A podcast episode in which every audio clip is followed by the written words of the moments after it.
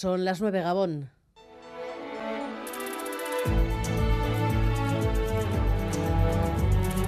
Gambara con Arancha García. El caso de Asia ha destapado muchos otros casos en los que los padres no han podido elegir el nombre de sus hijos por decisión de un juez. El caso es que tampoco este es el único caso polémico con origen en ese tribunal de Gasteiz. ETV ha localizado otros padres que, que quisieron poner a su hijo Illargui. Ahora se llama John y el caso está en el Supremo. Y alguien nos dijo que poniendo John y Illargui, un John por delante, sí que le dejaban y fue lo que probamos, pero tampoco nos dejaron.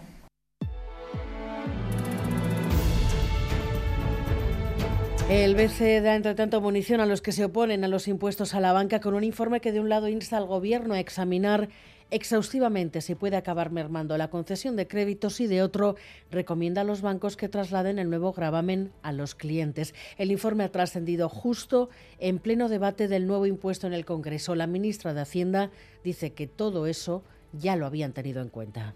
Que por una parte, antes de ponerlo en marcha, ya el Gobierno de España evidentemente ha visto si efectivamente el margen de los bancos les permitía el poder abordar esta prestación patrimonial y en segundo lugar, siempre dije que esta, esta prestación patrimonial se ponía con una duración de dos años para eh, ser capaces de evaluar eh, su funcionamiento en el propio desarrollo de la norma. Bueno, pues los beneficios de los bancos demostrarían que pueden resistir este gravamen sin tener que dejar de dar créditos y sin tener que repercutirlo en los clientes. Es lo que dice el gobierno, es lo que dice Moncloa, que recuerda que el informe no es vinculante, aunque el Partido Popular le ha faltado tiempo para agarrar el tema.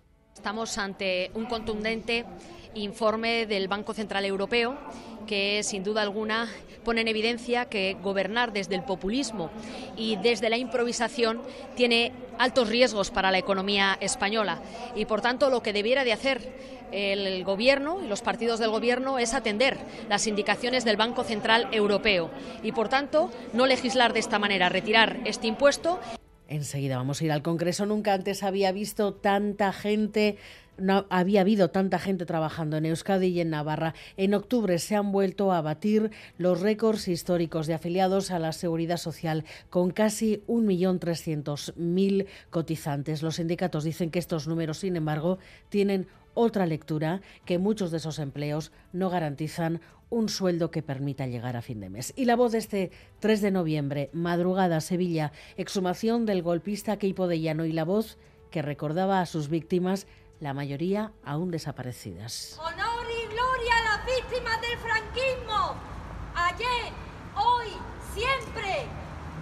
Contra la impunidad de los crímenes del franquismo. Hoy, en Sevilla, se salda una deuda histórica. En el Congreso, además, luz verde definitiva a la ley del deporte, la que de momento permite que haya selección vasca de pelota y de surf. ¿Es un paso más? ¿Es el último paso? No. ¿Es el primero? Sí. ¿Nos conformamos con ello? No. No vamos a hacer aquí un concurso de quién quiere más. Está bien que haya caído al menos uno de los candados que había que girar. Lo cierto es que esa puerta no se abre tanto como asegura la hiperventilada derecha, pero como dijimos en comisión es un paso. Y en carreteras, un punto con problemas a esta hora en el puerto de Barázar, en Ceanuri, sentido Bilbao. Un árbol ha caído y está ocupando en estos momentos el carril de bajada. Precaución si circulan por ese punto el puerto de Barázar, Ceanuri, sentido Bilbao. Y el tiempo para mañana, Euskalmet, David Pierna. Gabón, buenas noches. Mañana la jornada se presenta fría y húmeda. Las temperaturas máximas van a bajar de forma acusada y es que en muchos puntos del interior apenas vamos a pasar de los 10-11 grados y en la costa de los 15. Además, el viento del noroeste aumentará esta sensación de frío, viento que durante las horas centrales del día será molesto. De madrugada se pueden escapar algunas gotas, pero será a lo largo de la mañana cuando se producirán los chubascos más intensos, siendo más probables en la vertiente cantábrica. A lo largo de la tarde estos chubascos serán más dispersos. Por tanto, tiempo desapacible en general para mañana viernes.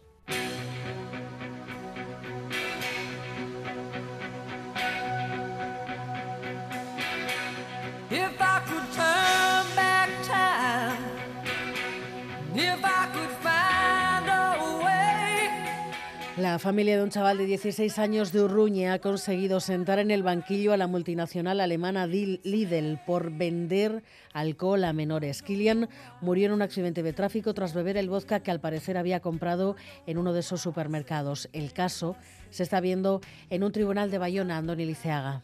Lidl en el banquillo de los acusados del Tribunal Administrativo de Bayona por venta de alcohol a menores. El joven Kilian Ferdi murió en accidente de moto al colisionar con su amigo. Ambos tenían 16 años y habrían comprado antes dos botellas de vodka en el Lidl de Urruña.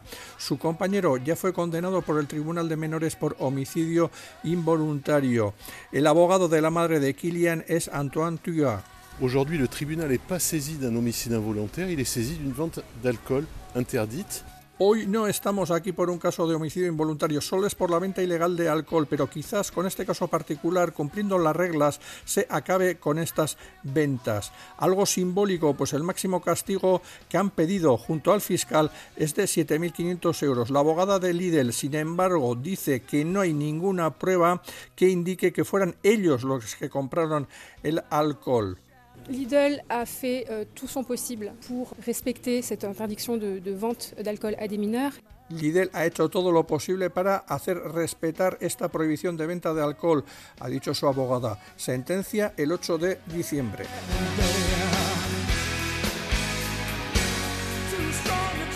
Miguel Ortiz y Arancha Prado están en la dirección técnica, Cristina Vázquez en la producción. Gambara con Arancha García.